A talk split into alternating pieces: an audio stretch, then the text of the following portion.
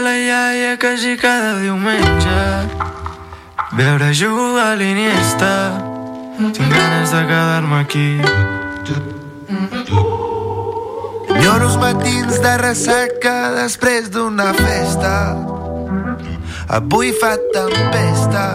Tinc ganes de quedar-me al llit Ja no podem fer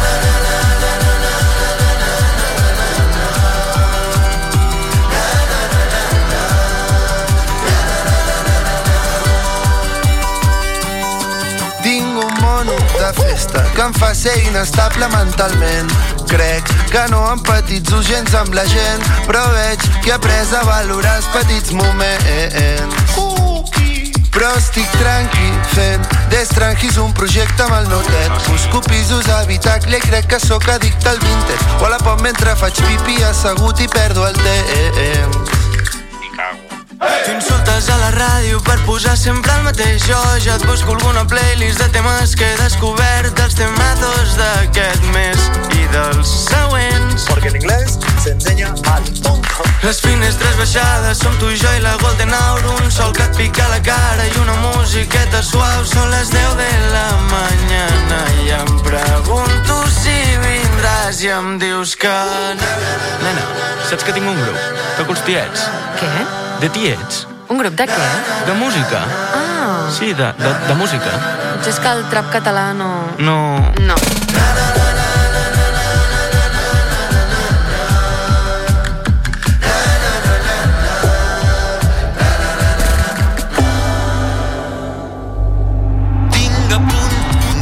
Dropbox que es diu cançons que aviat ho petaran. Duc el toper d'en Bou i sempre cito Josep Pla. Si vols ser un gran geni, diu que abans ho has d'assemblar. Tinc la gran sospita que compto amb un caballo ganador. Un hit estratosfèric, prepareu-me ja el disc d'or. Diets, amics i pasta que tremoli venidor. Oh, oh. Ciudad de vacaciones, dígame. Ja som a mitja tarda i no m'acabo d'inspirar. Va, n'agafo una de Queen. Dissimulo aquí i allà. Te la canto dos segons, ja m'has pillat. Tieta, uh, Sóc un Ho fracassat. engegaré a la merda tot. Sort que hi ets. Que et tinc a tu. Que quan em veus va el cap cos. Sempre vens, m'abraces fort, ja cau d'orella em dius. Tranquil, no passa. Trenquem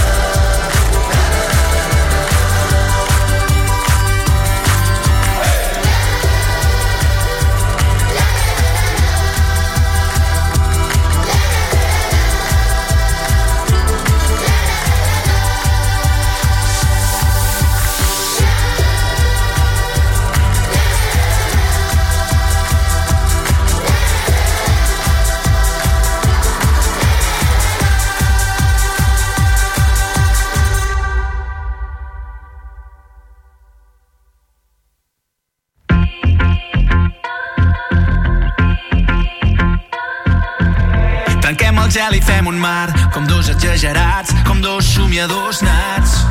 La glòria és pels agosarats i tu i jo ja hem perdut el cap.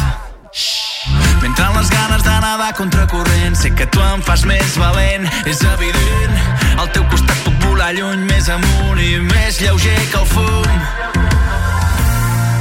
Tu tens diamants als ulls.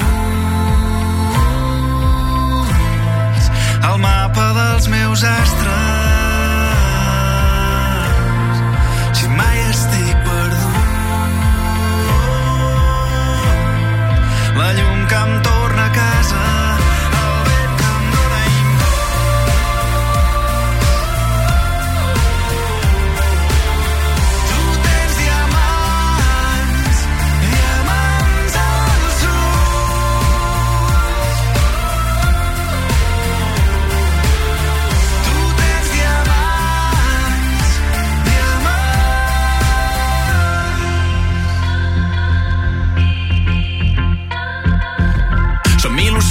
estol, units com un de sol, una harmonia en ple vol. Som els colors de l'aurora sobre els pols, tempestes de juliol. Tu fas que sembli fàcil viure sense fre i quan perdem l'alè, tornar-ho a fer. Que m'has fet ric sense haver de tenir res en un món que va al revés. Tu tens diamants als ulls, el mapa dels meus astres. Estic perdut, la llum que em torna a casa,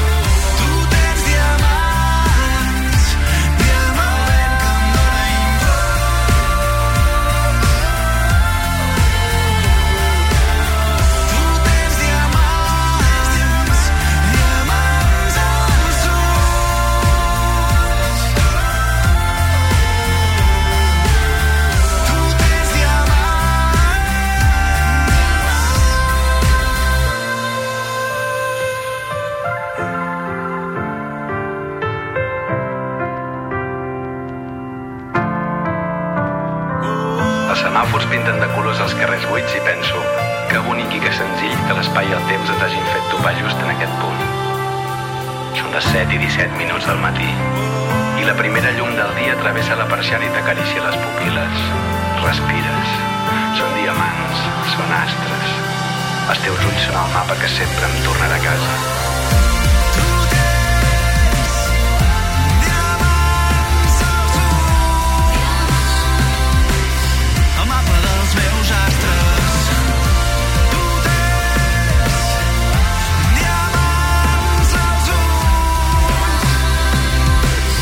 El mapa dels meus astres. Si penso en tu, sé que no ho faràs amb mi. El cel és gris i tu tot ho veus de colors. No sé qui sóc. La gravetat m'enfonsa, no em puc aixecar i et dona tu les ales per poder volar. No sé qui sóc, em deixes les restes de petits instants que no tornaran i seguir abraçat el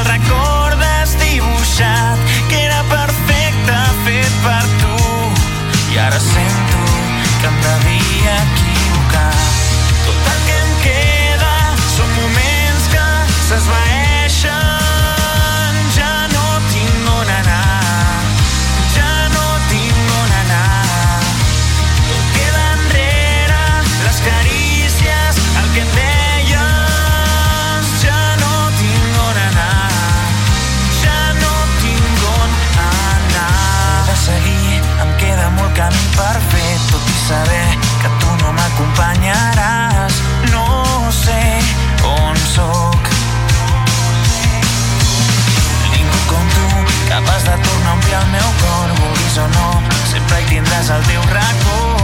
No sé on sóc, només em deixes les restes de petits instants que no tornaran i seguiràs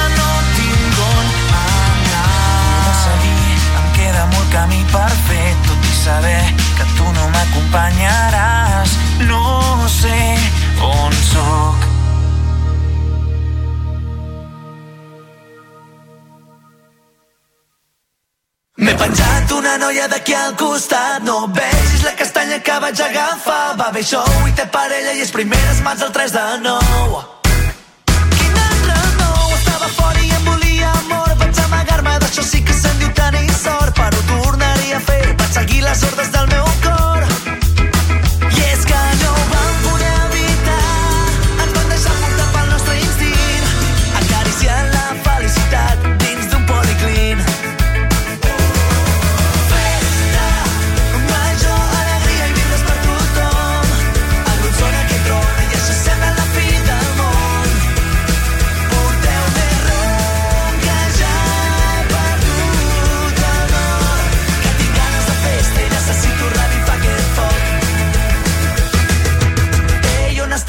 tornat a liar. Rebo whatsapps per un tubo, em volen localitzar. Però jo marxo d'aquí abans que doni un tom al meu destí.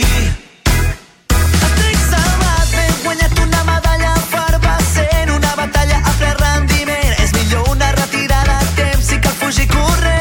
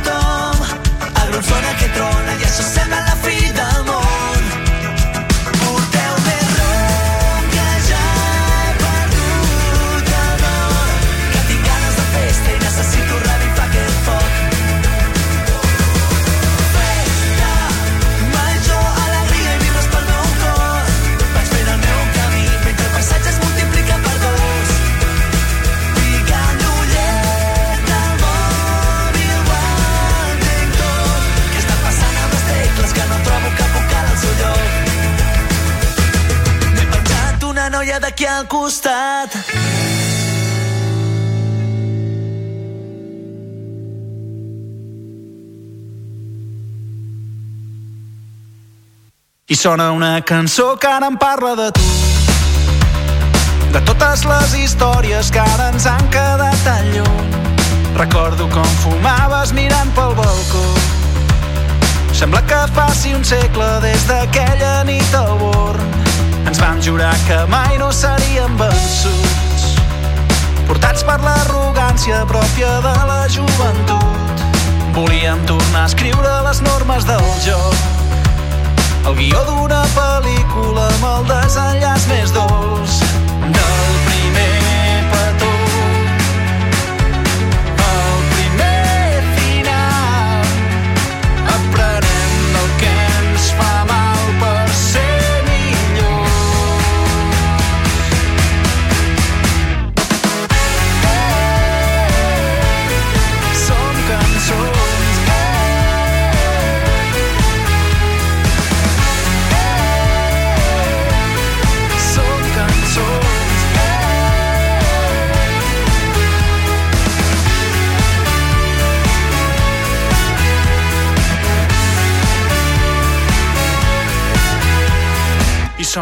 cançó que ara em parla de tu.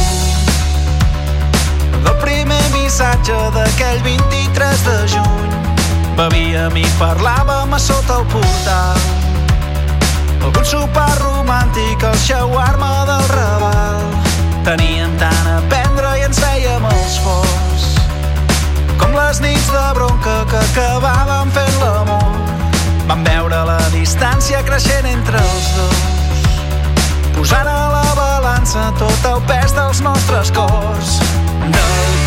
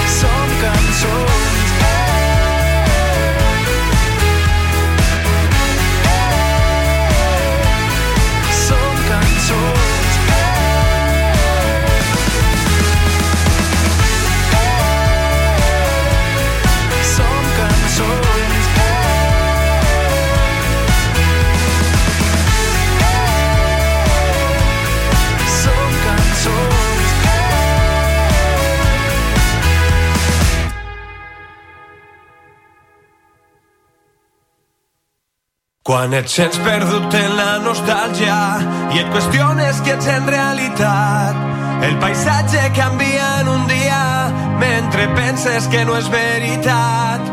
Quan no trobes sentit a la pluja que cau sempre al mateix terrat i somies en un món perfecte però no veus com fer-lo realitat.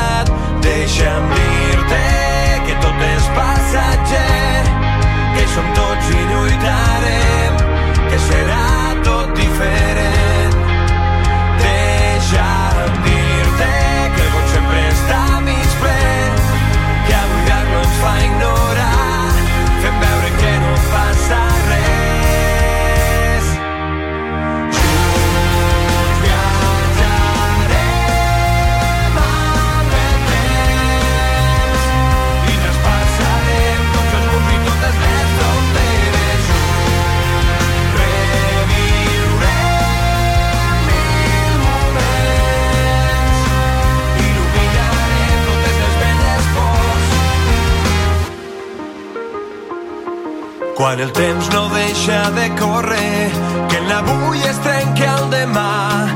Les agulles ja no funcionen, però el rellotge segueix girant. Si el paisatge que tens no el valores, que el maltractes tapant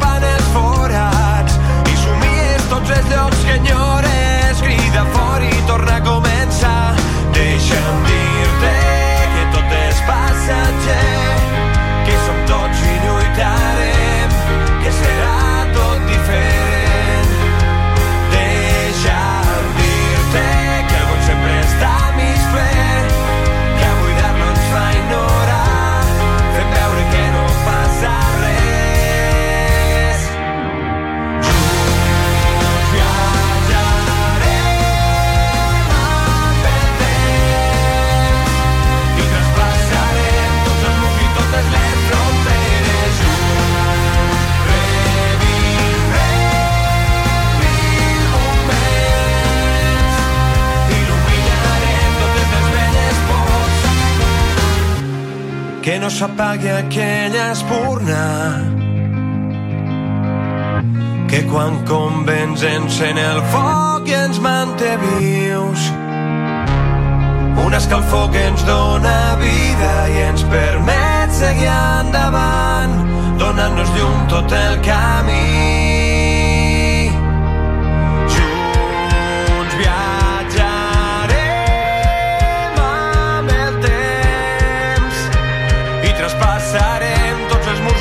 last floor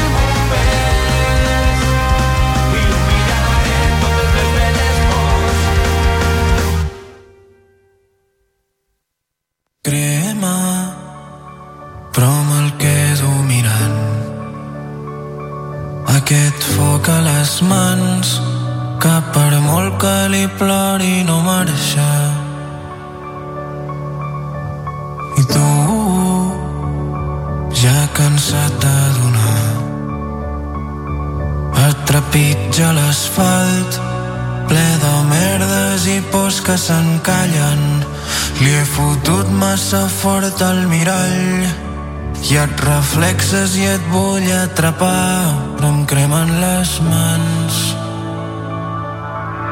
Si poguessis esborrar-ho tot,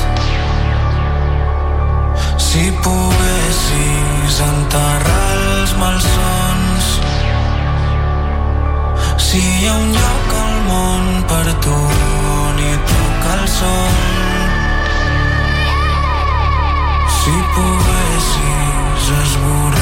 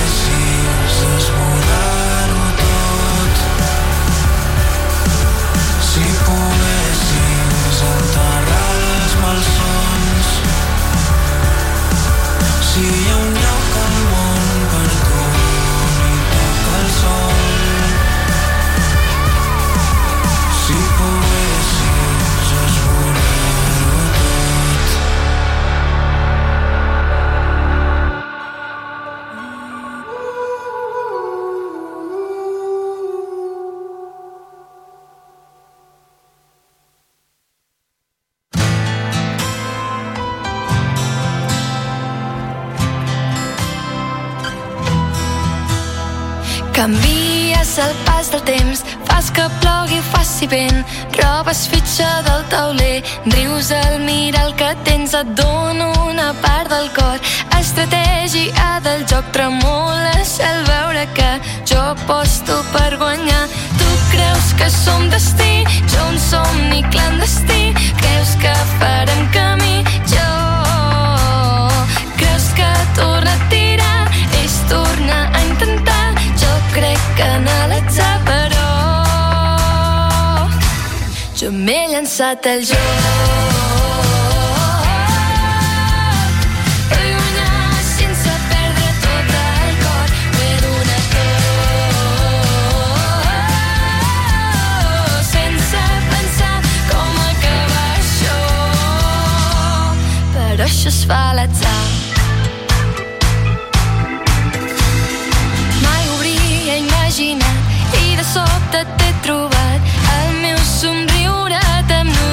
нельзя.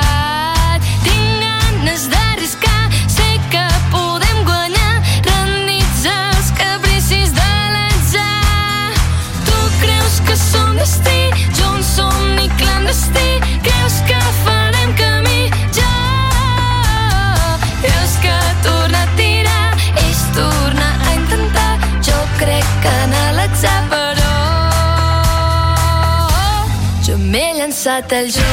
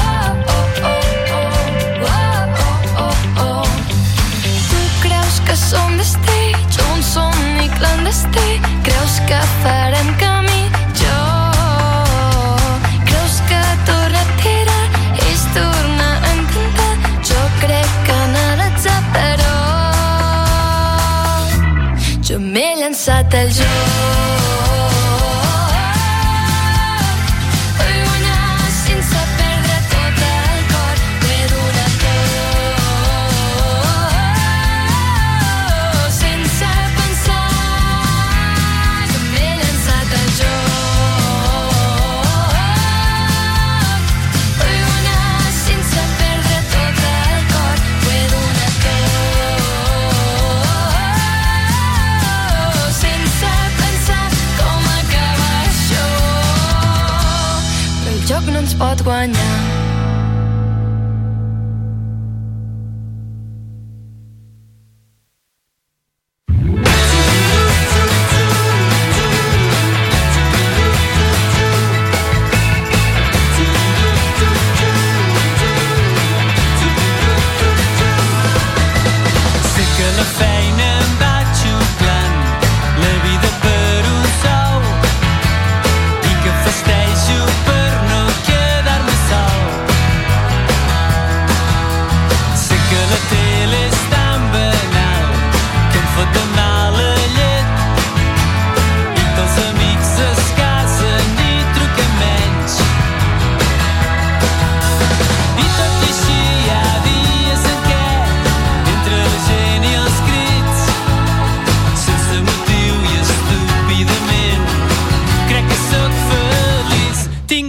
te cantai cuidados até na rede.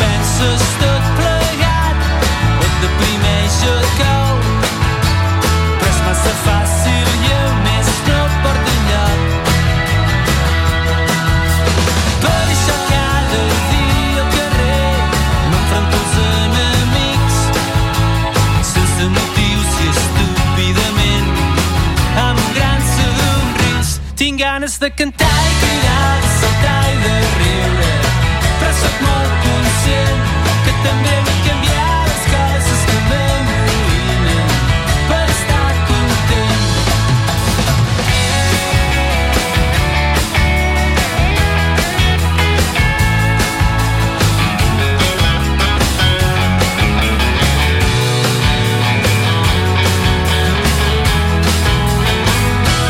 ganes de cantar i mirar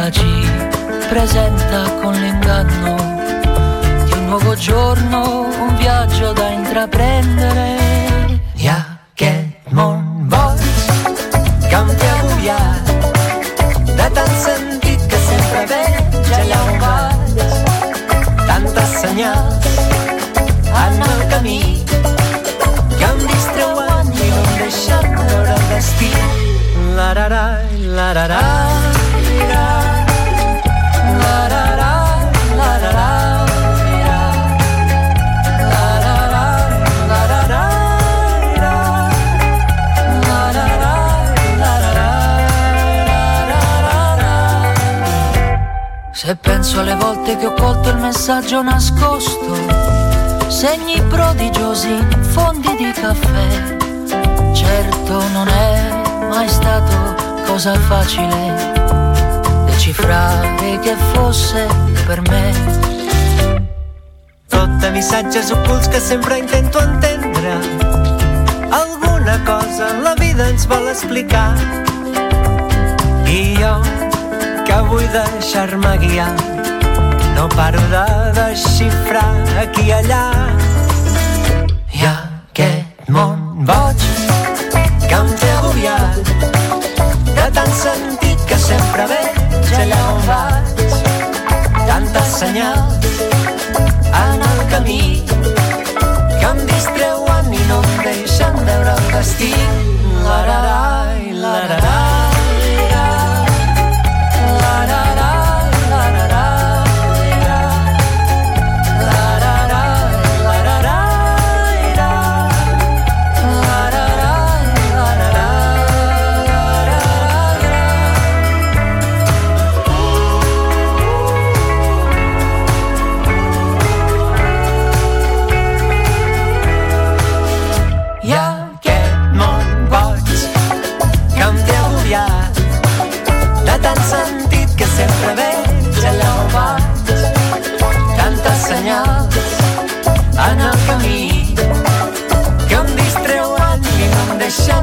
deixen veure el destí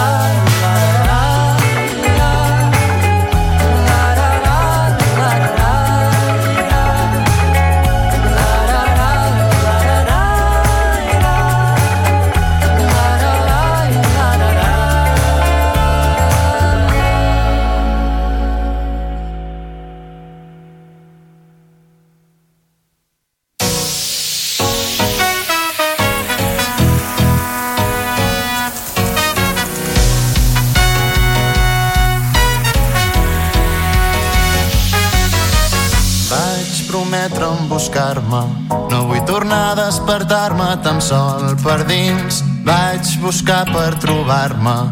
Quan fora plora cau pluja que s'ana per dins. Tan complicat que s'ha fet fàcil. Veig llum a casa, carrers que es vesteixen de nit. Fort per fora, per dins fràgil. Visc una lluita i l'essència neix dins el meu pit. No me'n vaig amb oblidi de qui sóc jo. On pugui sentir que és senzill caminar. Entre les branques, entre tantes trampes, on pugui desprendre'm de mi.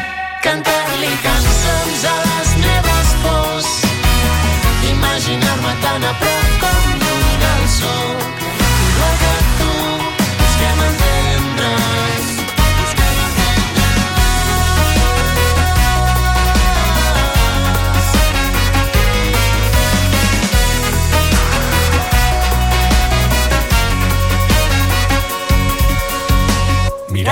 I sentir fàstic Veure-hi un tros d'amor a collir Camino i miro els peus dels altres. Penso jo quin seria si realment ho pogués escollir. Entenc que no estem sols al mar. Dono gràcies per tenir-te al meu davant. Serem fidels allà on ens porti el vent. Sempre serà casa si l'estima hi és present. I me'n vaig on m'oblidi de qui sóc jo, on pugui sentir senzill caminar. Entre les branques, entre tantes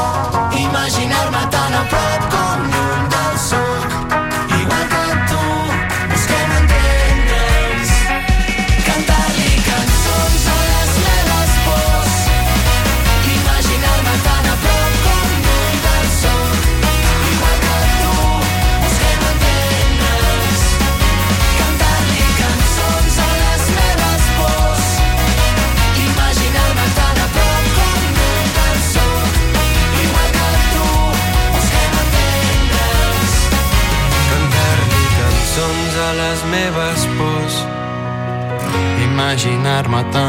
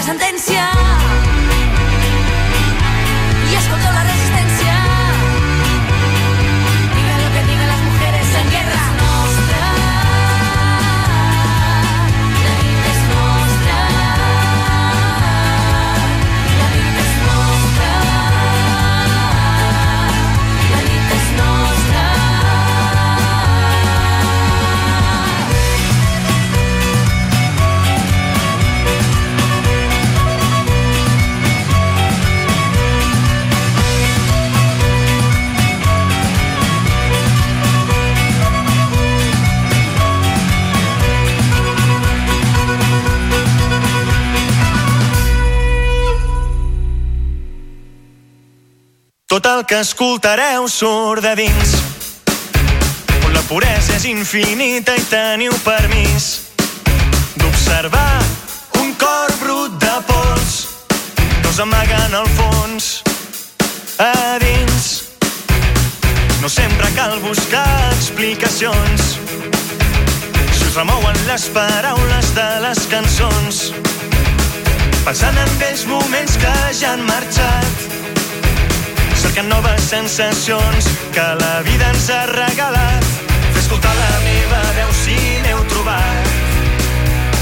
Explicant-vos a cau d'orella que ara ja us tinc al meu costat.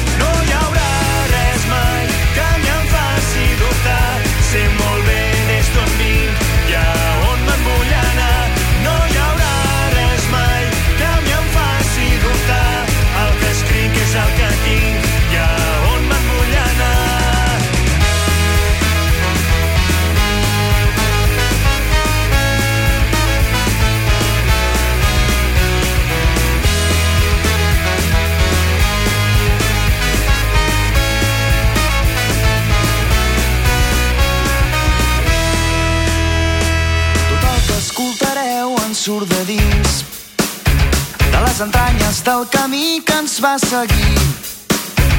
Del fil que vam perdre expressament. De no demanar perdó per seguir seguint qui som. Tot el que escoltareu ens ve de dins. I ressona cap en fora amb un sol crit.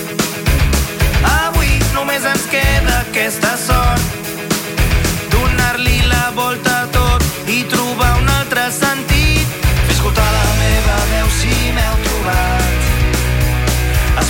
Cau d'orella que ara ja us tinc al meu costat. No hi haurà res mai que em faci dubtar. Sé molt bé des d'on i a on me'n vull anar. No hi haurà res mai que em faci dubtar. El que escric és el... Notícies en xarxa, edició matí. Amb Taís Trujillo.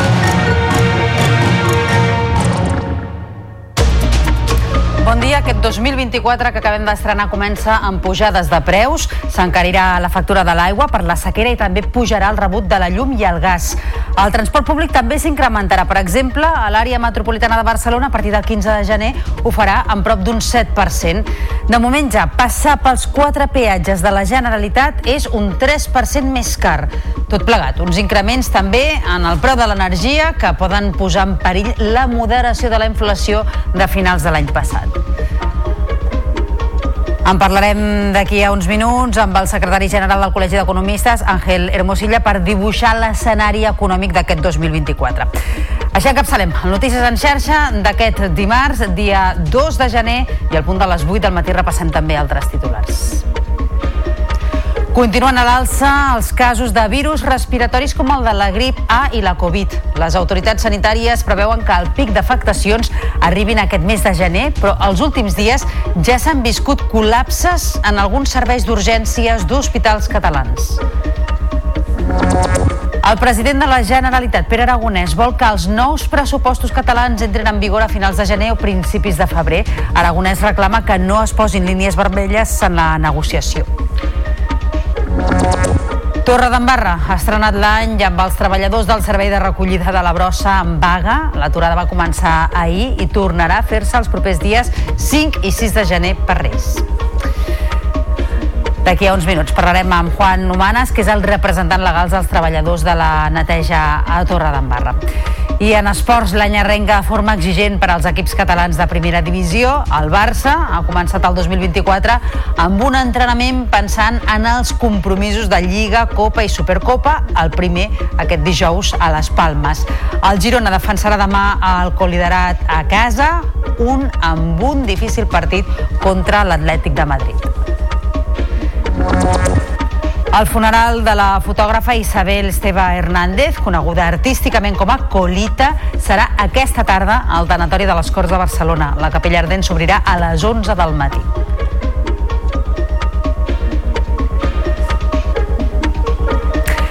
Repassats els titulars, ara obrim àrea de serveis. En primer lloc volem saber quin temps farà de cara a aquest eh, dimarts, dia 2 de gener. Lluís Miquel Pérez, molt bon dia. Molt bon dia i molt bon any, Taís. Doncs un temps que per ser el primer dia laborable per la majoria d'aquesta setmana i d'aquest 2024, doncs ha de venir amb un temps més aviat tranquil. Per tant, no hi haurà impediments pel que fa a la mobilitat o pel que fa doncs, a les activitats a l'aire lliure, que encara en queden moltes i, de fet, doncs, molta gent de festa encara els propers dies. Avui mateix, doncs, amb aquest matí una mica més ensupit a les comarques de Girona, hi haurà algun núvol baix amb alguna boira, també cap al mig Segre, aproximadament, arribant fins a la Conca de Trem, però seran boires efímeres, no com les de setmanes enrere. Per tant, al mig matí, migdia acabaran sent de més tranquil·litat, però amb un cel balat. Quedaran molts núvols prims que afectaran gairebé totes les comarques del país, amb més vent, tanmateix, cap a les comarques de Girona. Al matí bastant fred i, en canvi, aquesta tarda puja una mica la temperatura. Estarem parlant d'un ambient més agradable que ahir, sobretot a les comarques de la costa, del prelitoral, de Girona. A Girona i al voltant del Montseny amb força vent, atenció, amb aquest vent de ponent o de garbí, i encara amb aquest cel que estones estarà balat, emblanquinat, enterbolit. No serà fins al voltant del dia de Reis o del dia de les cavalcades que el temps canvi, però vaja, ho anirem seguint a la xarxa.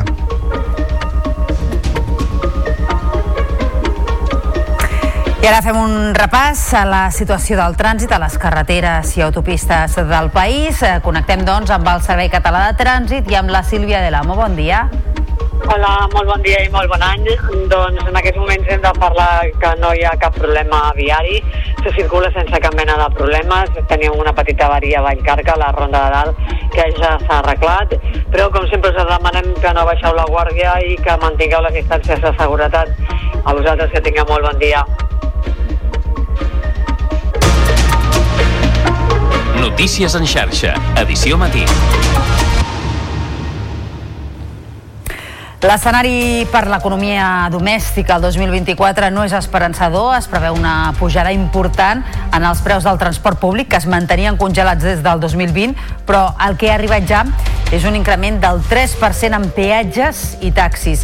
Enguany també entrarà en vigor una pujada de l'IBI d'un 5% de mitjana a capitals de comarca i a ciutats de més de 20.000 habitants amb augments que superen fins i tot el 15%. A més, al primer trimestre s'hi suma l'augment simultani en els preus de l'electricitat i el gas. Ens ho explica tot plegat la Gisela Jimeno. La factura pujarà entre un 15 i un 20% i arribarà als 122 euros per megabyte hora al primer trimestre d'aquest any, un 32% més respecte al mateix període de 2023. Pel que fa al preu de l'aigua, la tendència és la mateixa. La factura de Barcelona i 22 municipis de l'àrea metropolitana s'encarirà uns 5 euros de mitjana a partir de finals del mes de febrer o principis del mes de març. És la proposta de noves tarifes que l'àrea metropolitana de Barcelona posa sobre la taula per compensar l'increment de tarifes que ha fet Aigües Ter Llobregat en el subministrament fruit de la sequera.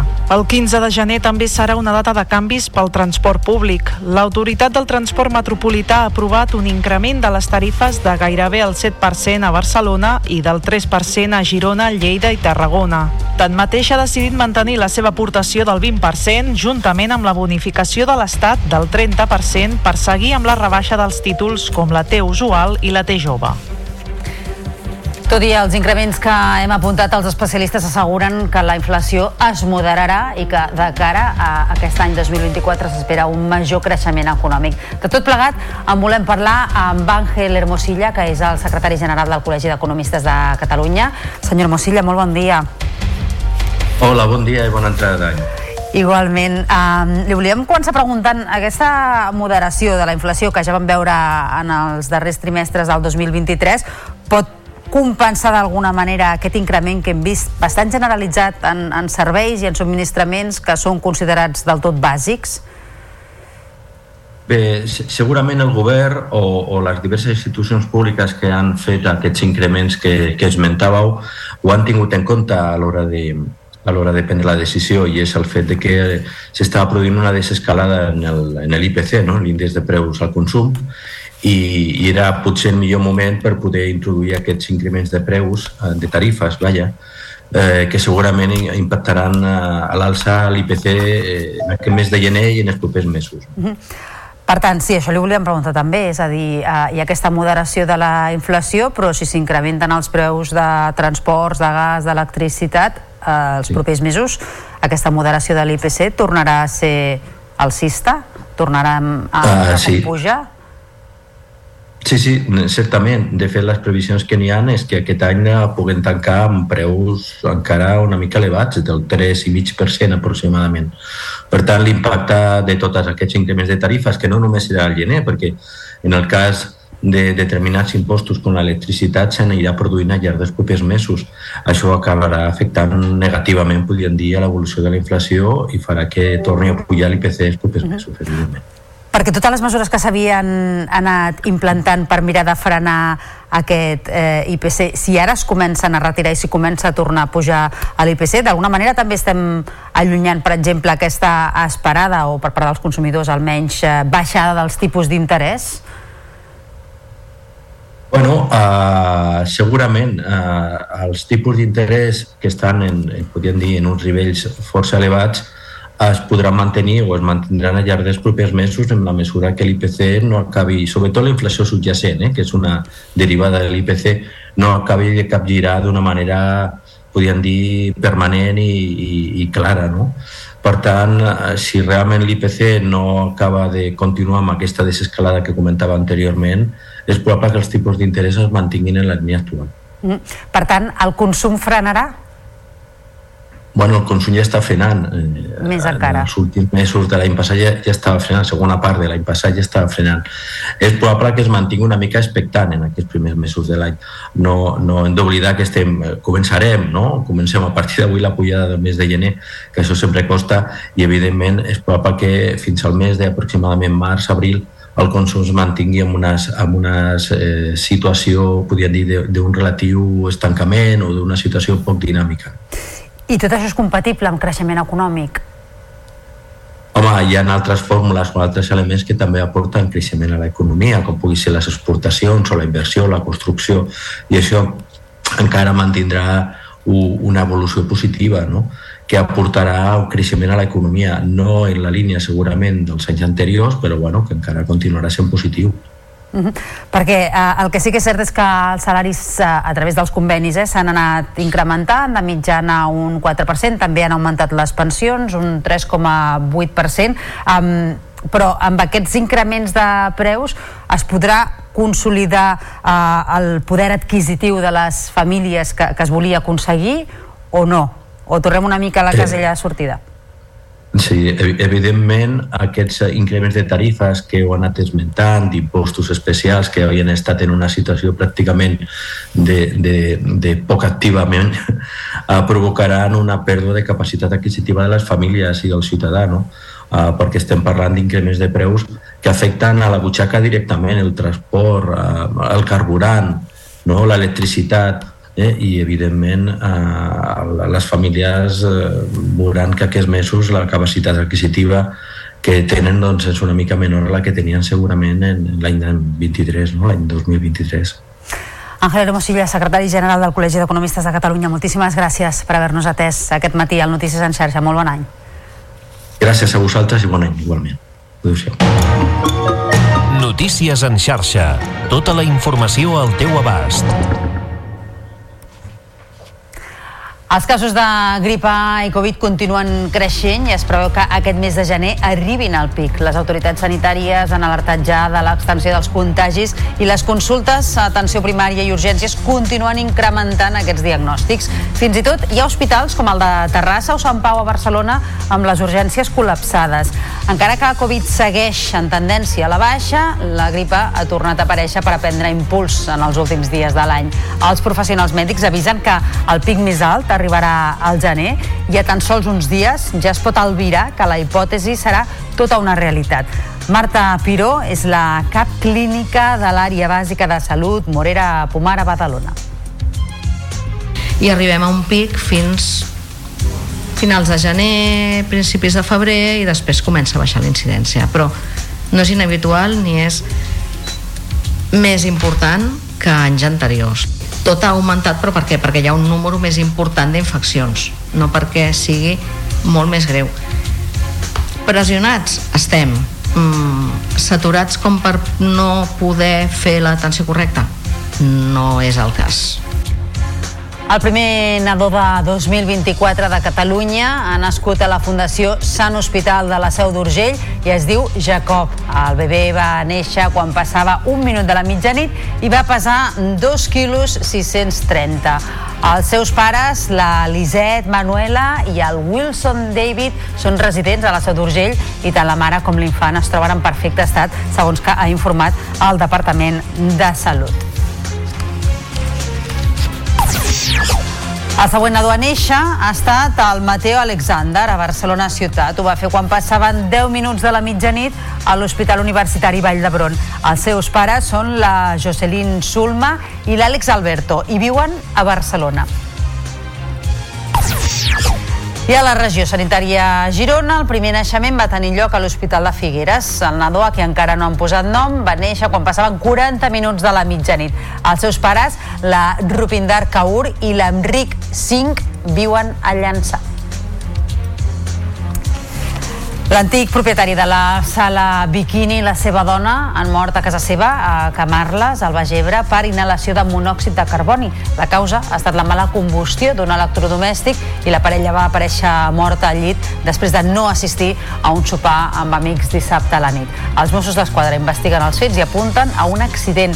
Xefo Guasc, de 74 anys, tenia una galeria d'art al Poble Nou de Barcelona i va ser dinamitzador cultural. Va dirigir la mítica sala Bikini de concerts entre els anys 1985 i 1990. I ja han localitzat els gossos que van atacar un home ahir en una pista forestal a Corbera de Llobregat. Gràcies a la col·laboració ciutadana, els dos animals han pogut ser atrapats fa unes hores i traslladats a una protectora. Són de la raça Rottweiler, considerada potencialment perillosa, i el dispositiu de recerca l'havien muntat els Mossos d'Esquadra, la policia local de Corbera i els agents rurals.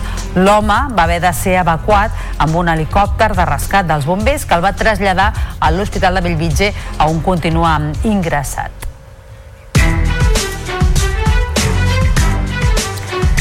Pràcticament ara un quart de nou del matí, un dels fronts polítics per aquest 2024 és l'aprovació dels pressupostos de la Generalitat. El president Pere Aragonès s'ha demanat que els comptes entrin en vigor entre finals de gener i principis de febrer. En una entrevista a l'Agència Catalana de Notícies des del Palau de la Generalitat, el president ha assegurat que l'executiu ja té la feina feta i que, si fos per ell, els pressupostos es podrien aprovar al Consell Executiu i portar-los posteriorment al Parlament però Aragonès vol que s'aprovin a govern després de tancar un pacte amb els grups necessaris.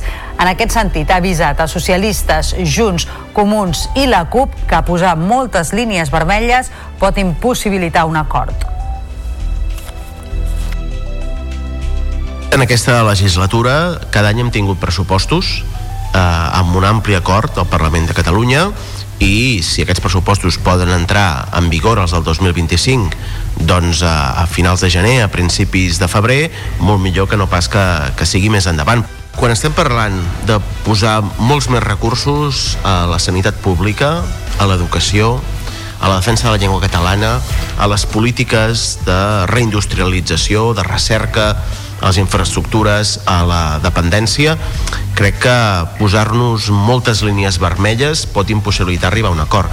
Necessitarem un acord ampli entre formacions polítiques que opinen diferent i també amb posicionaments que en alguns àmbits doncs eh, potser no hi haurà un acord complet en el govern en tots els àmbits. aconseguir la independència del nostre país i no deixar de treballar fins que siguem independents. aconseguir l'oficialitat del català a Europa. La llei de l'amnistia. La presidenta de Junts, Laura Borràs, i la presidenta del Parlament, Anna R, són alguns dels dirigents de Junts que a través d'un vídeo a la xarxa social X expressen els seus desitjos polítics per al 2024. Entre aquests desitjos hi ha la voluntat que enguany i amb la llei d'amnistia l'expresident de la Generalitat, Carles Puigdemont, i la resta d'exiliats tornin a Catalunya.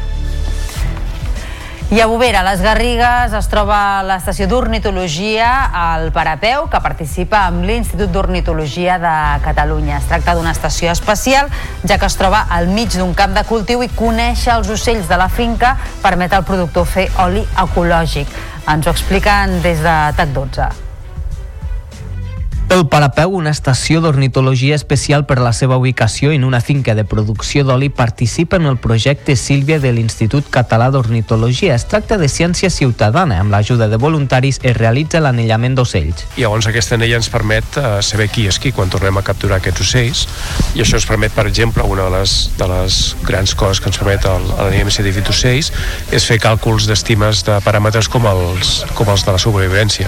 L'anellament és important pels ocells, però en el cas de l'Eladi, productor de l'oli ecològic Berançat, conèixer les espècies també és molt important per a ell. Una de les plagues que podríem dir que és, és important és la mosca de l'olivera. Pues afavorint la cria de les orenetes fa que aquests vols de mosca puguin estar més controlats. Tots aquests ocellets s'han d'alimentar. Els pares capturen una muntada de mosques i d'insectes per portar-los de menjar al niu. Però una vegada han sortit del niu, continuen ells passant per damunt dels arbres, netejant de mosques eh, els camps. Els ocells s'atrapen amb una xarxa inofensiva, s'estudia l'animal i tornen a quedar alliberats. La Terra Alta busca persones interessades per incorporar-se a la ramaderia extensiva. Es fa una crida per trobar pastors i pastores a través d'un projecte que facilita la introducció en aquesta àrea. Es posa a disposició dels candidats l'accés a la terra, un corral i tot el material necessari per arrelar les noves generacions a un territori castigat pel despoblament. Ens ho expliquen des de Canal 21 Ebre. Es tracta d'un projecte que arriba per primer cop a les Terres de l'Ebre i que ofereix totes les facilitats per facilitar la incorporació progressiva de persones noves al sector primari. La iniciativa està vinculada amb l'Escola de Pastors de Catalunya que assessora als ramaders. Maria Díaz Quijano és una de les tècniques. es posa a disposició unes instal·lacions, un corral i uns terrenys per pasturar, un ramat i un acompanyament a nivell eh, tècnic personal també i després tot un suport legal per tal de que després es pugui valorar si és el que vol fer Una de les persones que s'han interessat per la proposta és Vanessa Salvador, una veïna d'Horta de Sant Joan formada com a pastora en l'últim any. Vaig decidir deixar la meva feina d'enginyera i perquè volíem començar amb la meva parella un projecte de, de cabres, iogurt, turisme rural a Horta de Sant Joan. Llavors, com no, bueno, soc pixapina, no, tinc, no tenia cap formació en aquest sentit, El pastor escollit engegarà l'activitat a l'abril de l'any vinent i durant 3 anys podrà provar aquest projecte professional. Torredembarra ha estrenat l'any amb els treballadors del servei de recollida de la brossa en vaga. L'aturada va començar ahir i tornarà a fer-se els propers dies 5 i 6 de gener per Reis. L'últim intent per evitar la vaga, anunciada pels treballadors de l'empresa Prezero, concessionària de la recollida de brossa en aquest municipi del Tarragonès, va tenir lloc dimecres passat. Tant l'Ajuntament com el Departament de Treball de la Generalitat s'han reunit amb les dues parts per intentar mediar en un conflicte que arriba un any després del canvi de contracte, però fins ara no hi ha hagut acord. Els treballadors asseguren que l'actual empresa, si bé manté les condicions econòmiques, no respecta els acords que havien establert amb l'anterior concessionària. I una altra vaga prevista pels dies 5, 6, 7 i 8 de gener és la dels treballadors del servei de handling als aeroports. Ibèria ha cancel·lat prop de 450 vols previstos per aquests dies, segons que ha informat la companyia aèria. Els vols són 270 d'Ibèria, 64 d'Ibèria Express i 110 d'Air Nostrum. En total, hi haurà més de 45.000 passatgers afectats. Segons l'aerolínia, els passatgers seran informats i se'ls oferiran les millors alternatives possibles per reubicar-se en altres serveis. I Girona estrena una nova aplicació per aparcar el cotxe a les zones verda i blava. Per informar del canvi s'han posat adhesius en els parquímetres amb la informació i un codi QR per descarregar-se l'APP. D'aquesta manera deixa d'estar operativa EasyPark, que fa pocs dies va patir un ciberatac que va comprometre dades dels usuaris. L'aplicació que la substitueix és Aparcar, propietat de l'Ajuntament de Reus, que l'ha cedit al de Girona. A banda, també es podran seguir utilitzant els parquímetres instal·lats al carrer. I l'Ajuntament d'Olot sancionarà econòmicament aquelles persones que disposin d'un habitatge buit. Aquesta nova normativa, això sí, només permetrà multa a aquells propietaris que disposin de quatre o més habitatges a la ciutat i que en tinguin almenys un de desocupat de manera permanent durant dos anys. Ens apropa la informació l'Aniol Puigverd, Olot TV. L'objectiu de sancionar econòmicament els propietaris d'habitatges buits és per ajudar al fet que es posin a disposició dels ciutadans més pisos i en preus més assequibles, un fet que a hores d'ara és impensable a la ciutat. El regidor d'habitatge de l'Ajuntament d'Olot, Jordi Güell, explica quines serien aquestes sancions. En el primer any se'ls aplicarà un recàrrec del 50% de l'IBI. Si aquesta consideració d'habitatge desocupat es produeix en el següent any, hi haurà el recàrrec tornarà a ser del 50%, però si aquest habitatge en un tercer any torna a estar en el registre d'habitatges desocupats, en aquest cas se li aplicaria un recàrrec de, del 100%. Tot i això, Güell afirma que l'objectiu no és recaptar diners, sinó que aquesta sanció faci que els propietaris es dediquin a arreglar els seus habitatges i posar-los per llogar. Aquesta nova normativa era una demanda que feia temps que la Copolot volia aprovar. A més, segons els copaires, fa un any hi havia gairebé 600 habitatges buits al nucli antic de la ciutat, unes dades que es volen reduir amb aquesta nova normativa.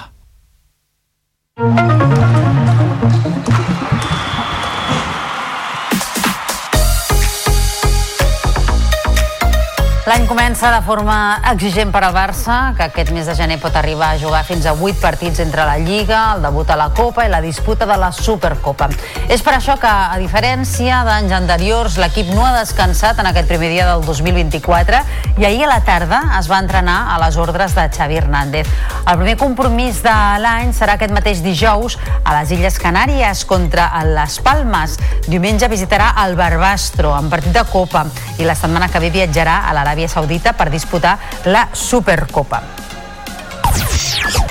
La jornada de Lliga Intersetmanal ja comença avui amb tres partits. El Girona, líder juntament amb el Real Madrid, jugarà demà contra el tercer classificat, l'Atlètic de Madrid. Quan arrenqui el partit a Montilivi, els gironins ja sabran què ha fet el Real Madrid, que arrencarà l'any demà al Bernabéu contra el Mallorca. Els pilots catalans que disputaran el Rally Dakar ja han marxat cap a l'Aràbia Saudita. La prova arrenca divendres, dia 5 de gener, i s'allargarà dues setmanes fins al 19. Un dels eh, més veterans entre l'expedició catalana és Isidre Esteve, que afronta el Dakar per 19a vegada, la novena sobre quatre rodes. El pilot explica què n'espera d'aquesta edició hi ha més quilòmetres que mai, amb un tant per cent molt nou, eh, el tema de les maratons, aquesta de 48 hores, que al final és etapa marató dividida en quatre sectors, o la semimarató, m'agrada perquè nosaltres el plantejament de cursa que fem és un plantejament pensant en el resultat final. No, no ens interessa fer resultats parcials eh, bons i posar en risc la cursa. No? Tot el més difícil, el nou, eh, el complicat de veritat per lo desconegut és la primera setmana. El 2024 també comença molt exigent per al Barça de bàsquet, que ve de perdre 7 dels últims 10 partits. Les dues últimes derrotes, encaixades davant l'Unicaja i el Mònaco, han deixat l'equip tocat, malgrat que el club ha ratificat la confiança en el tècnic Roger Grimau. Els blaugranes arrencaran l'any amb un doble compromís d'Eurolliga al Palau, demà contra el Real Madrid i divendres davant el Bascònia.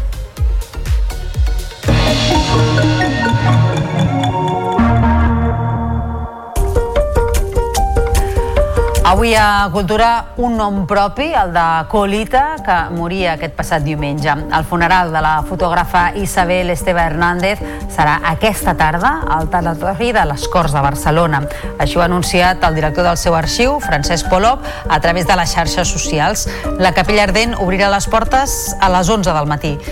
Figura destacada en l'àmbit del fotoperiodisme, especialment associada a l'escena de l'agost divin, Colita ha capturat moments crucials de la història de Barcelona.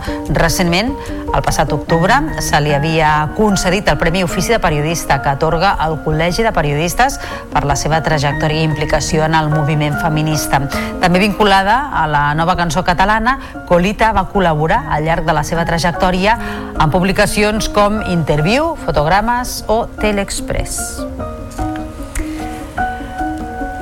Membres de la Filarmònica de Viena, que hi van protagonitzar el tradicional concert d'any nou, actuen aquest vespre per primera vegada a Barcelona en un concert al Teatre Coliseum. Es tracta d'una oportunitat per gaudir en viu a Catalunya d'obres musicals com ara Sang Vianesa, el Danubi Blau o la marxa Radetzky. El concert d'enguany a la capital catalana ve precedit de l'èxit que va tenir l'any passat a Madrid, on actuaran per tercer any consecutiu demà dimecres. I el videoclip de la cançó Coti per Coti del duet mataroní de Tallets és el més vist en català de l'any a la plataforma YouTube, segons Enderroc. El vídeo ha superat 5 milions i mig de visualitzacions. Aquest 2023, fins a 5 videoclips en català han aconseguit superar la marca del milió de visualitzacions. La platja de Stay Homes i de Tallets La Nòria, de Stay Homes, Mosegui, de Figaflaues i La nit està que crema dels calafallencs Buos. Ja no sé com fer-ho, m'ha arribat de les mans. Un coti ben salsero que ha mogut tot el mercat. No me'l puc treure del cap. Si vols aquest secret, doncs per tres l'has de canviar. No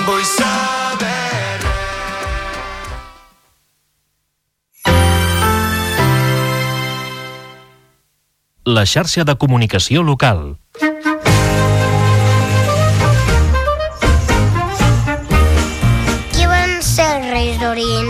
Segons els evangelis, uns reis van arribar a Betlem per fer regals a Jesús, que acabava de néixer. No és que fossin nobles o aristòcrates, és que en aquella època es deia així a les persones sàvies. El Nou Testament no diu com es deien, però al segle VI es van escriure els seus noms en un mosaic on es representen les seves imatges. I a quins països van arribar a Betlem?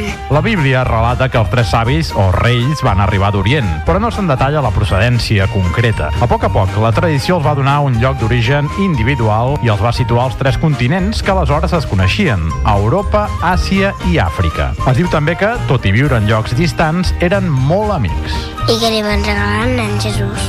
Avui dia els nens solen escriure una carta als reis, on els demanen joguines, jocs de construcció, bicicletes, nines... La llista pot ser molt llarga. Però els reis d'Orient que van anar a Betlem eren persones sàvies, estudiosos, que van pensar molt bé què havien de portar. Després de meditar-ho bé, van triar tres regals simbòlics. Or, perquè havien llegit que Jesús seria rei, encens, que reconeixia el nadó com a Déu, perquè era una resina que es cremava als altars, i mirra, que es feia servir als enterraments i simbolitzava la humanitat de Jesús. Els supertafaners ho volen saber tot del Nadal, de l'editorial Larús, és un dels llibres que les ràdios locals et regalem a aquestes festes. Escolta contes, poemes i supertafaneries a Lletres de Nadal, a la teva ràdio local i a la xarxa més.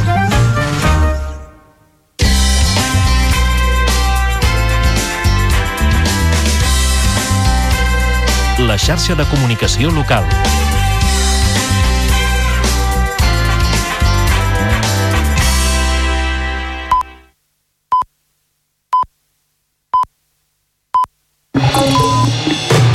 Notícies en xarxa, edició matí, amb Taís Trujillo.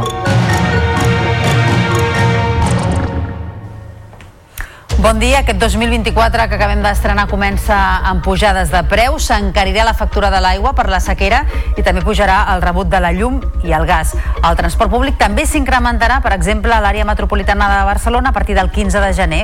Ho farà en prop d'un 7%. De moment ja, passar pels quatre peatges de la Generalitat és un 3% més car. Tot plegat uns increments també en el preu de l'energia que poden posar en perill la moderació de la inflació de finals de l'any passat.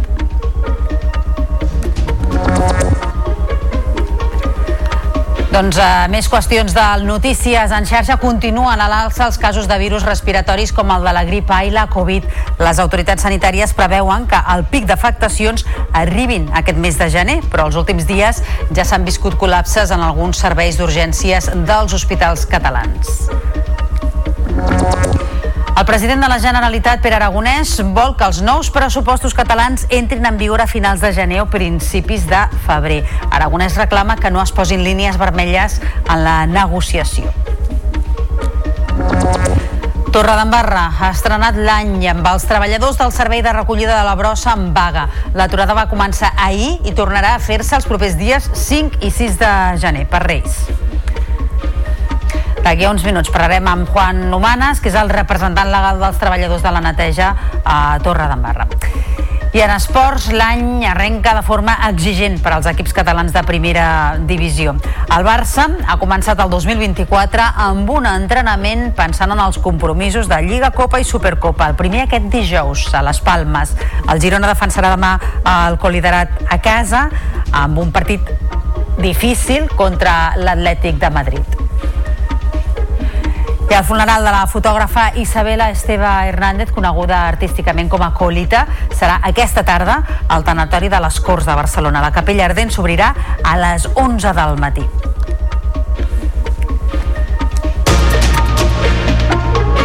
Notícies en xarxa, edició matí. L'escenari pel 2024 no és esperançador. Es preveu una pujada important en els preus del transport públic que es mantenien congelats des del 2020, però el que ha arribat ja és un increment del 3% en peatges i taxis. Enguany també entrarà en vigor una pujada de l'IBI d'un 5% de mitjana a capitals de comarca i ciutats de més de 20.000 habitants amb augments que superen el 15%. A més, al primer trimestre s'hi suma l'augment simultani en els preus de l'electricitat i del gas. Ens ho explica la Gisela Jimeno. La factura pujarà entre un 15 i un 20% i arribarà als 122 euros per megabyte hora al primer trimestre d'aquest any, un 32% més respecte al mateix període de 2023.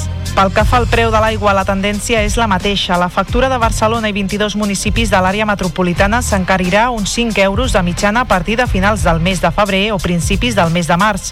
És la proposta de noves tarifes que l'àrea metropolitana de Barcelona posa sobre la taula per compensar l'increment de tarifes que ha fet Aigües Ter Llobregat en el subministrament fruit de la sequera. El 15 de gener també serà una data de canvis pel transport públic. L'Autoritat del Transport Metropolità ha aprovat un increment de les tarifes de gairebé el 7% a Barcelona i del 3% a Girona, Lleida i Tarragona. Tanmateix ha decidit mantenir la seva aportació del 20% juntament amb la bonificació de l'Estat del 30% per seguir amb la rebaixa dels títols com la T usual i la T jove. Les pujades de preus i tarifes impactaran, doncs, a l'alça la inflació d'aquest nou any. El secretari general del Col·legi d'Economistes de Catalunya, Ángel Hermosilla, apunta que el govern ha aprofitat la desescalada de l'IPC de finals del 2023 per aplicar encariments que provocaran una pèrdua de la capacitat adquisitiva dels ciutadans. Hermosilla preveu una repercussió negativa en la inflació. Ho ha dit fa pocs minuts aquí, al Notícies en xarxa. Les previsions que n'hi ha és que aquest any puguem tancar amb preus encara una mica elevats, del 3,5% aproximadament. Per tant, l'impacte de tots aquests increments de tarifes, que no només serà al gener, perquè en el cas de determinats impostos com l'electricitat s'anirà produint al llarg dels propers mesos. Això acabarà afectant negativament, podríem dir, a l'evolució de la inflació i farà que torni a pujar l'IPC els propers mesos, evidentment. Torredembarra ha estrenat l'any amb els treballadors del servei de recollida de la brossa en vaga. L'aturada va començar ahir, tornarà a fer-se els propers dies 5 i 6 de gener per Reis. Per saber-ne els motius, la durada i l'impacte que pot tenir aquesta vaga establim ara connexió amb Juan Humanes, que és el representant legal dels treballadors de la neteja a Torredembarra. Senyor Humanes, molt bon dia. Sí, hola, buenos días, soy Feliz Año. Feliz año. Quins són els uh, motius d'aquesta protesta que arrencava ahir, dèiem, i que continuarà la vigília i el dia de Reis? Bueno, los motivos principales son los que venimos reclamando ya hace bastante tiempo y que no se nos han no se nos ha ofrecido el derecho a, poder tenerlos, que es el, que se nos establezca, por ejemplo, el, se nos regulen los problemas que estamos teniendo actualmente con las nóminas, que hay muchas diferencias y que tenemos que estar constantemente re, mirándose y repasándolas. También tenemos, bueno, en este, en este sentido creo que la, empresa ha alcanzado su objetivo, que era el acabar el año con un exceso de jornada de los trabajadores que no se ha podido regular ni, compensación de días ni, económicos. También hemos tenido bastantes problemas durante desde que, desde que entró la, nueva empresa en materia de prevención de riesgos laborales, que también nos ha conllevado a hacer nuestras reclamaciones y la falta de seguimiento por parte de la empresa también ha sido evidente. Mm. Y por último, lo que más también ha trascendido en, lo que es la plantilla de trabajadores es la pues una sanción, un expediente sancionador que hemos recibido con una trabajadora que también es delegada y es encargada y por el mero hecho de hacer sus funciones pues ha recibido no solamente uno que la conllevó a causar baja emocional, sino que aún estando de baja pues recibió una segunda también, un segundo expediente sancionador. Perquè recordem que aquest és un servei que l'Ajuntament subcontracta a una concessionària i que ara, si no m'equivoco, ara fa un any hi va haver un canvi no? d'empresa i aquest és l'origen del problema. Aquest canvi, aquesta nova concessionària, que és Prezero, no està respectant el que havia pactat anteriorment amb els eh, treballadors? Correcto. Al, desde que iniciamos el cambio, lógicamente, ya entendíamos que se podían dar algún, algunos tipos de errores o, o, o, bueno, diferencias en cuanto a una a otra pero las condiciones se tenían que mantener. En todo momento hemos intentado hablar con ellos y intentar hacer entender de que no se estaban manteniendo estas, estas condiciones laborales, no económicas, sino laborales. Y en este sentido la empresa pues, ha ido prolongando en el tiempo y nos hemos encontrado con esta situación. Uh -huh. Hi ha hagut contacte amb l'empresa per mirar de solventar aquesta situació sí, i sobretot des de que ha començat la vaga? Sí, perdón. Hemos mantenido diferentes conversaciones Primero se lo, así lo hemos transmitido durante todo este año, por, tanto por correo como personalmente a la empresa, eh, debido a que no se nos, nos, nos hacía ningún tipo de, reconocimiento. También nos pusimos en contacto con el ayuntamiento y intentamos hacer un, un acto de mediación entre ambas partes. No alcanzamos ningún tipo de acuerdo. Y por último, en el departamento de Traval también se nos instó a hacer una, un acto de mediación en el cual tampoco conseguimos ningún tipo de, d'acord. Uh -huh. uh, dèiem que la vaga arrencava ahir, que la faran també el dia 5 i 6 de gener, són jornades on es genera molta brossa. Uh, per la gent que ens estigui escoltant des d'aquesta zona del Tarragonès, des de Torre d'Embarra, què és el que han d'esperar? Quin impacte ha de tenir aquesta vaga, tenint en compte, evidentment, que també hi ha serveis mínims?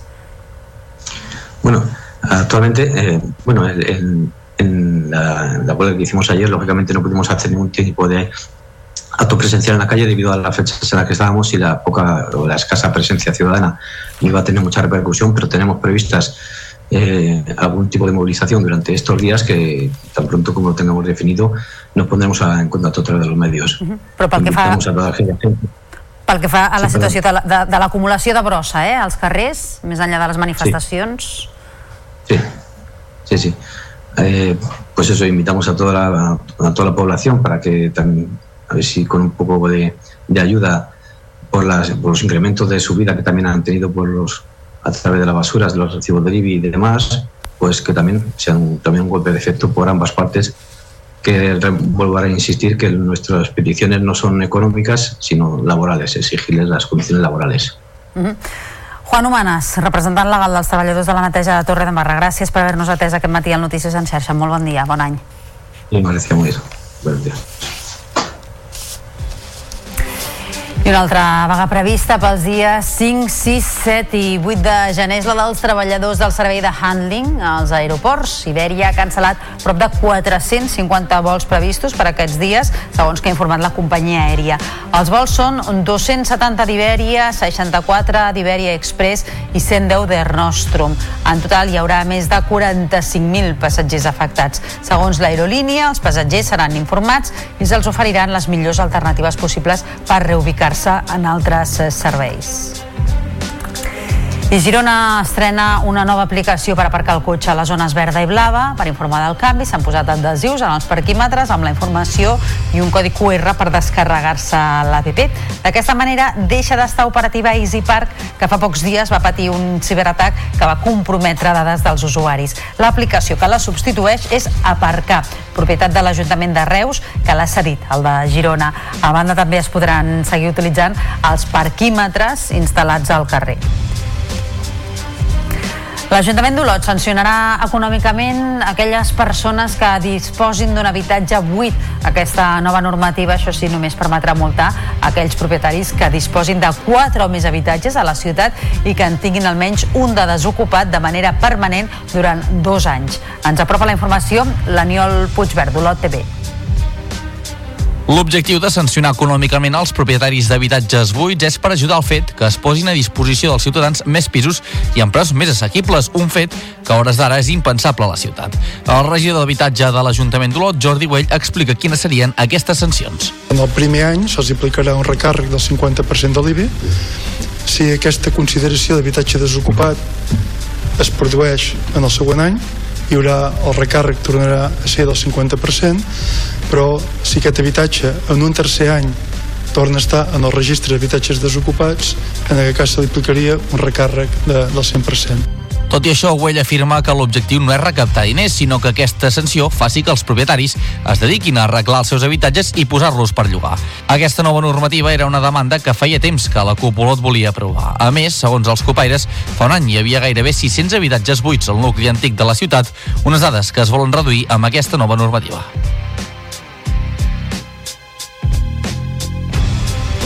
Els casos de grip A i Covid continuen creixent i es preveu que aquest mes de gener arribin al pic. Les autoritats sanitàries han alertat ja de l'extensió dels contagis i les consultes d'atenció primària i urgències continuen incrementant aquests diagnòstics. Fins i tot hi ha hospitals com el de Terrassa o Sant Pau, Barcelona, amb les urgències col·lapsades. Encara que la Covid segueix en tendència a la baixa, la grip A ha tornat a aparèixer per aprendre impuls en els últims dies de l'any. Els professionals mèdics avisen que el pic més alt arribarà aquest mes de gener i a tan sols uns dies ja es pot albirar que la hipòtesi serà tota una realitat. Marta Piró és la cap clínica de l'àrea bàsica de salut Morera Pomara, a Badalona. I arribem a un pic fins finals de gener, principis de febrer i després comença a baixar l'incidència. Però no és inhabitual ni és més important que anys anteriors tot ha augmentat, però per què? Perquè hi ha un número més important d'infeccions, no perquè sigui molt més greu. Pressionats? Estem. Mm, saturats com per no poder fer l'atenció correcta? No és el cas. El primer nadó de 2024 de Catalunya ha nascut a la Fundació Sant Hospital de la Seu d'Urgell i es diu Jacob.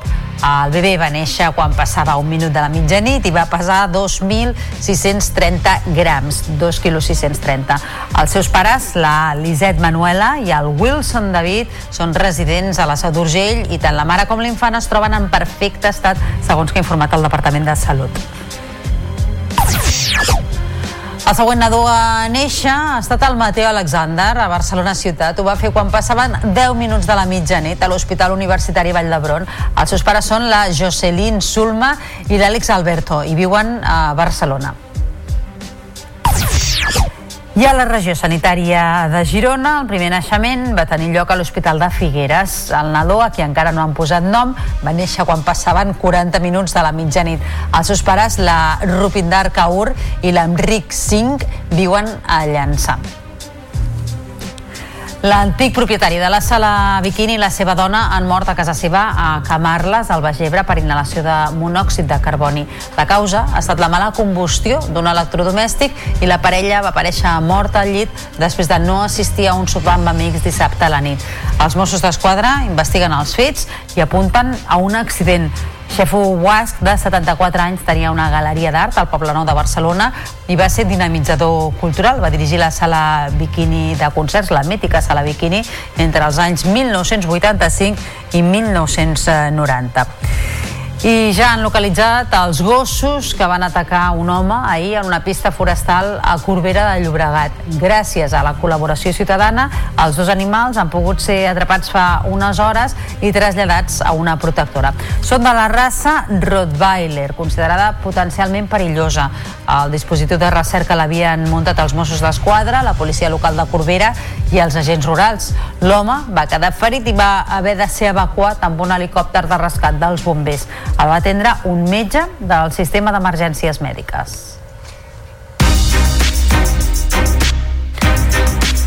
Ara són tres quarts de nou del matí. Un dels fronts polítics per aquest 2024 és l'aprovació dels pressupostos de la Generalitat. El president Pere Aragonès s'ha demanat que els comptes entren en vigor entre finals de gener i principis de febrer. En una entrevista a l'Agència Catalana de Notícies des del Palau de la Generalitat, el president ha assegurat que l'executiu ja té la feina feta i que si fos per ell els pressupostos es podrien aprovar al Consell Executiu i portar-los posteriorment al Parlament. Però Aragonès vol que s'aprovin a govern després de tancar un pacte amb els grups necessaris. En aquest sentit, ha avisat a socialistes, Junts, Comuns i la CUP que posar moltes línies vermelles pot impossibilitar un acord.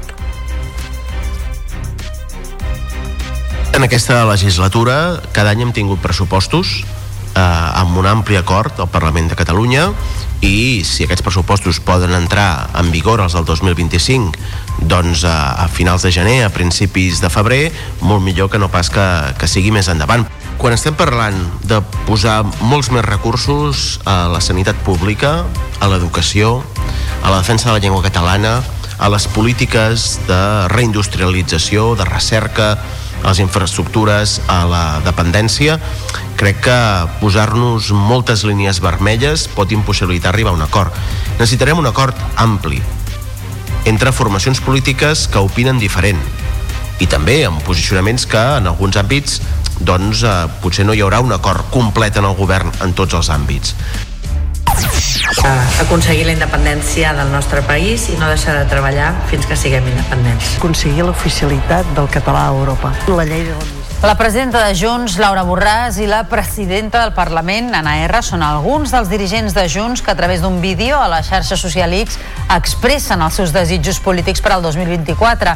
Entre aquests desitjos hi ha la voluntat que enguany i amb la llei d'amnistia l'expresident de la Generalitat, Carles Puigdemont, i la resta d'exiliats tornin a Catalunya. I més qüestions de l'actualitat. La Terra Alta busca persones interessades per incorporar-se a la ramaderia extensiva. Es fa una crida per trobar pastors i pastores a través d'un projecte que facilita la introducció en aquesta àrea. Es posa a disposició dels candidats l'accés a la terra, un corral i tot el material necessari per arrelar les noves generacions a un territori castigat pel despoblament. Ens ho expliquen des de Canal 21 Ebre. Es tracta d'un projecte que arriba per primer cop a les Terres de l'Ebre i que ofereix totes les facilitats per facilitar la incorporació progressiva de persones noves al sector primari. La iniciativa està vinculada amb l'Escola de Pastors de Catalunya que assessora als ramaders. Maria Díaz Quijano és una de les tècniques. Es posa a disposició unes instal·lacions, un corral i uns terrenys per pasturar, un ramat i un acompanyament a nivell eh, tècnic personal també i després tot un suport legal per tal de que després es pugui valorar si és el que vol fer. Una de les persones que s'han interessat per la proposta és Vanessa Salvador, una veïna d'Horta de Sant Joan formada com a pastora en l'últim any. Vaig decidir deixar la meva feina d'enginyera i perquè volíem començar amb la meva parella un projecte de, de cabres, iogurt, turisme rural a Horta de Sant Joan. Llavors, com no, bueno, soc pixapina, no, tinc, no tenia cap formació en aquest sentit. El pastor escollit engegarà l'activitat a l'abril de l'any vinent i durant 3 anys podrà provar aquest projecte professional. I ens situem ara a Bovera, les Garrigues, on es troba l'estació d'ornitologia al Parapeu, que participa amb l'Institut d'Ornitologia de Catalunya. Es tracta d'una estació especial, ja que es troba al mig d'un camp de cultiu i conèixer els ocells de la finca permet al productor fer oli ecològic. Ens ho expliquen des de TAC 12. El Parapeu, una estació d'ornitologia especial per la seva ubicació en una finca de producció d'oli, participa en el projecte Sílvia de l'Institut Català d'Ornitologia. Es tracta de ciència ciutadana. Amb l'ajuda de voluntaris es realitza l'anellament d'ocells. I llavors aquesta anella ens permet uh, saber qui és qui quan tornem a capturar aquests ocells i això ens permet, per exemple, una de les, de les grans coses que ens permet l'anellament científic d'ocells és fer càlculs d'estimes de paràmetres com els, com els de la supervivència. L'anellament és important pels ocells, però en el cas de l'Eladi, productor de l'oli ecològic Berançat, conèixer les espècies també és molt important per a ell. Una de les plagues que podríem dir que és, és important és la mosca de l'olivera. Pues afavorint la cria de les orenetes fa que aquests vols de mosca puguin estar més controlats. Tots aquests ocellets s'han d'alimentar. Els pares capturen una muntada de mosques i d'insectes per portar-los de menjar al niu. Però una vegada han sortit del niu, continuen ells passant per damunt dels arbres, netejant de mosques eh, els camps. Els ocells s'atrapen amb una xarxa inofensiva, s'estudia l'animal i tornen a quedar alliberats.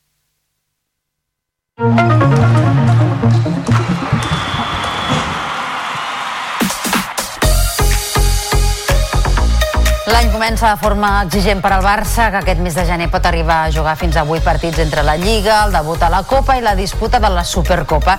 És per això que, a diferència d'anys anteriors, l'equip no ha descansat en aquest primer dia del 2024 i ahir a la tarda es va entrenar a les ordres de Xavi Hernández.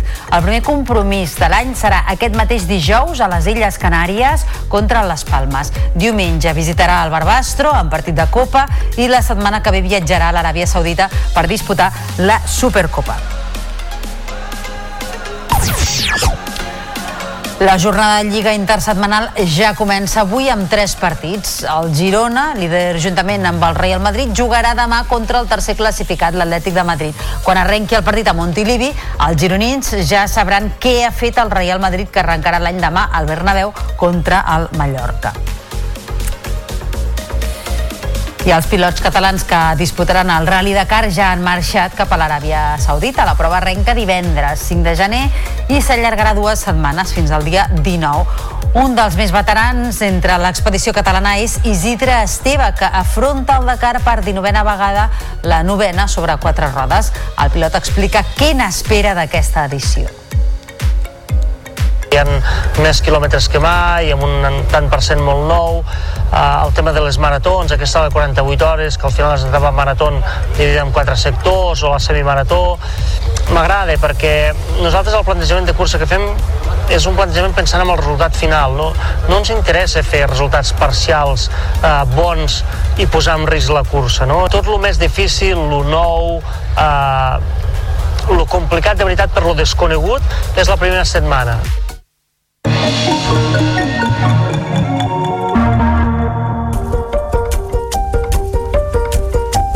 Avui a Cultura un nom propi, el de Colita, que moria aquest passat diumenge. El funeral de la fotògrafa Isabel Esteve Hernández serà aquesta tarda al tanatori de les Corts de Barcelona.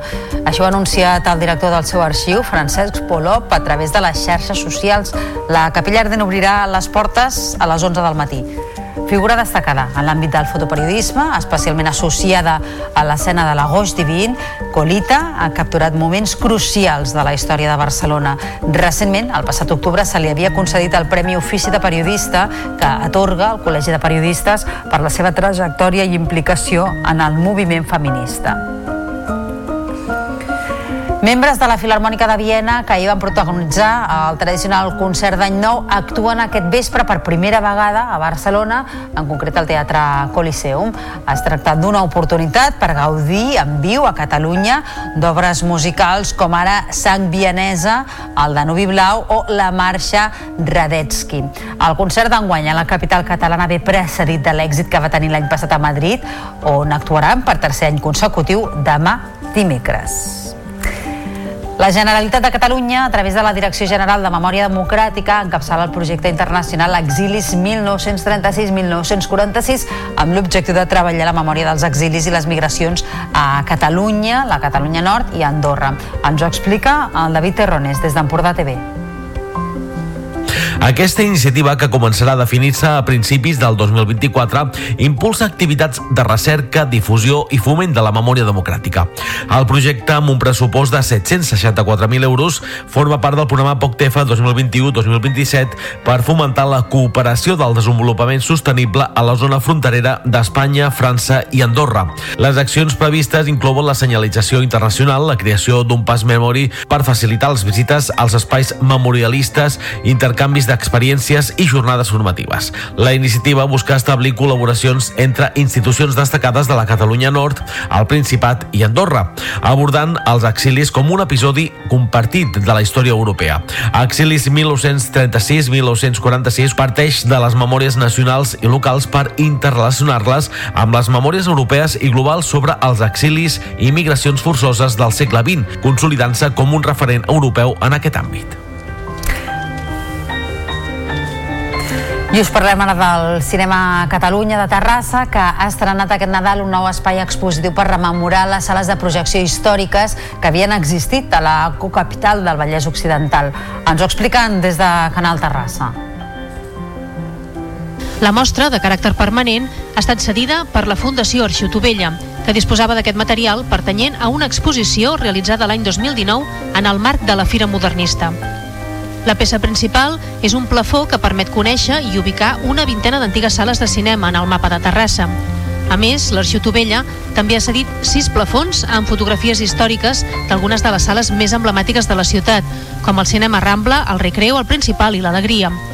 També hi ha una imatge de la primera sala que va existir al municipi, així com una instantània de com era el cinema a Catalunya en els seus inicis, l'any 1916. En aquesta fotografia s'hi aprecia la sala gran amb un piano per fer l'acompanyament musical de les pel·lícules de cinema mut d'aquella època. L'exposició està situada al vestíbul de la zona dels lavabos de la sala 1 i estarà disponible per a totes les persones que assisteixin al cinema Catalunya. I avui marxem amb el videoclip de la cançó Coti per Coti del duet mataroní de Tallets, que és el més vist en català de l'any a la plataforma YouTube, segons Enderrock. El vídeo ha superat 5 milions i mig de visualitzacions. Aquest 2023 fins a 5 videoclips en català han aconseguit superar la marca del milió de visualitzacions. Tornem demà, que vagi bé. Me'l puc treure del cap si vols aquest secret doncs per tres l'has de canviar no ho puc evitar ja no sé com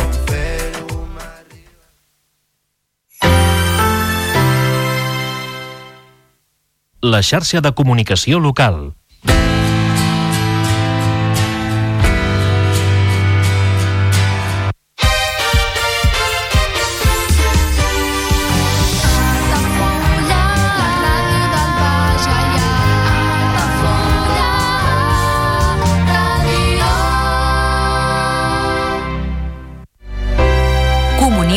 2024. Dates ja disponibles amb sales privades, jardí, pàrquing privat i la millor gastronomia. Més informació i reserves al 977 65 11 55 i a comercial arroba altafullamarotel.com o al web altafullamarotel.com. Les teves celebracions familiars a l'Altafulla Mar Hotel. Ja coneixes les propostes que t'ofereix el Club Marítim Altafulla? Vine i descobreix totes les nostres activitats. Sortides en caiac o pa del surf, cursos de vela per a totes les edats. No t'ho perdis. Club Marítim Altafulla. Obert tot l'any i per a tothom. Carrer Major, el programa de les emissores del Camp de Tarragona. Cada dia de 4 a 6 de la tarda, el que passa al Camp de Tarragona t'ho expliquem amb la major redacció d'un programa de territori quilòmetre zero. Periodisme de proximitat, continguts de qualitat, amb Anna Plaza i Toni Mateos. Carrer Major. Al meu país la pluja no sap ploure. Canvi climàtic asseca els rius, posa en risc l'abastament d'aigua i la producció d'aliments. Treballem per fer front a la sequera i garantir l'aigua però cal l'esforç de tothom. Cada gota compte. La pluja no la controles, l'aixeta sí. Generalitat de Catalunya. Sempre endavant.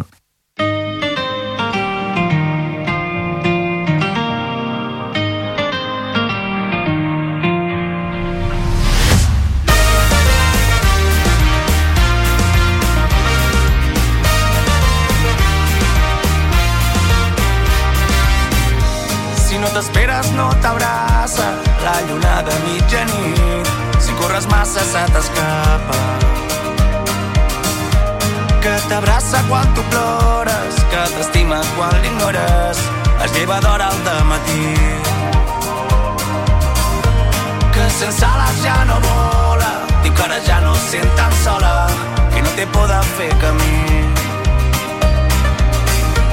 I al seu cor porta una daga, però ja riu i no s'amaga, un crit mut enmig del pit. Com una bala que tremoli fort al món sencer, comença tot enrere.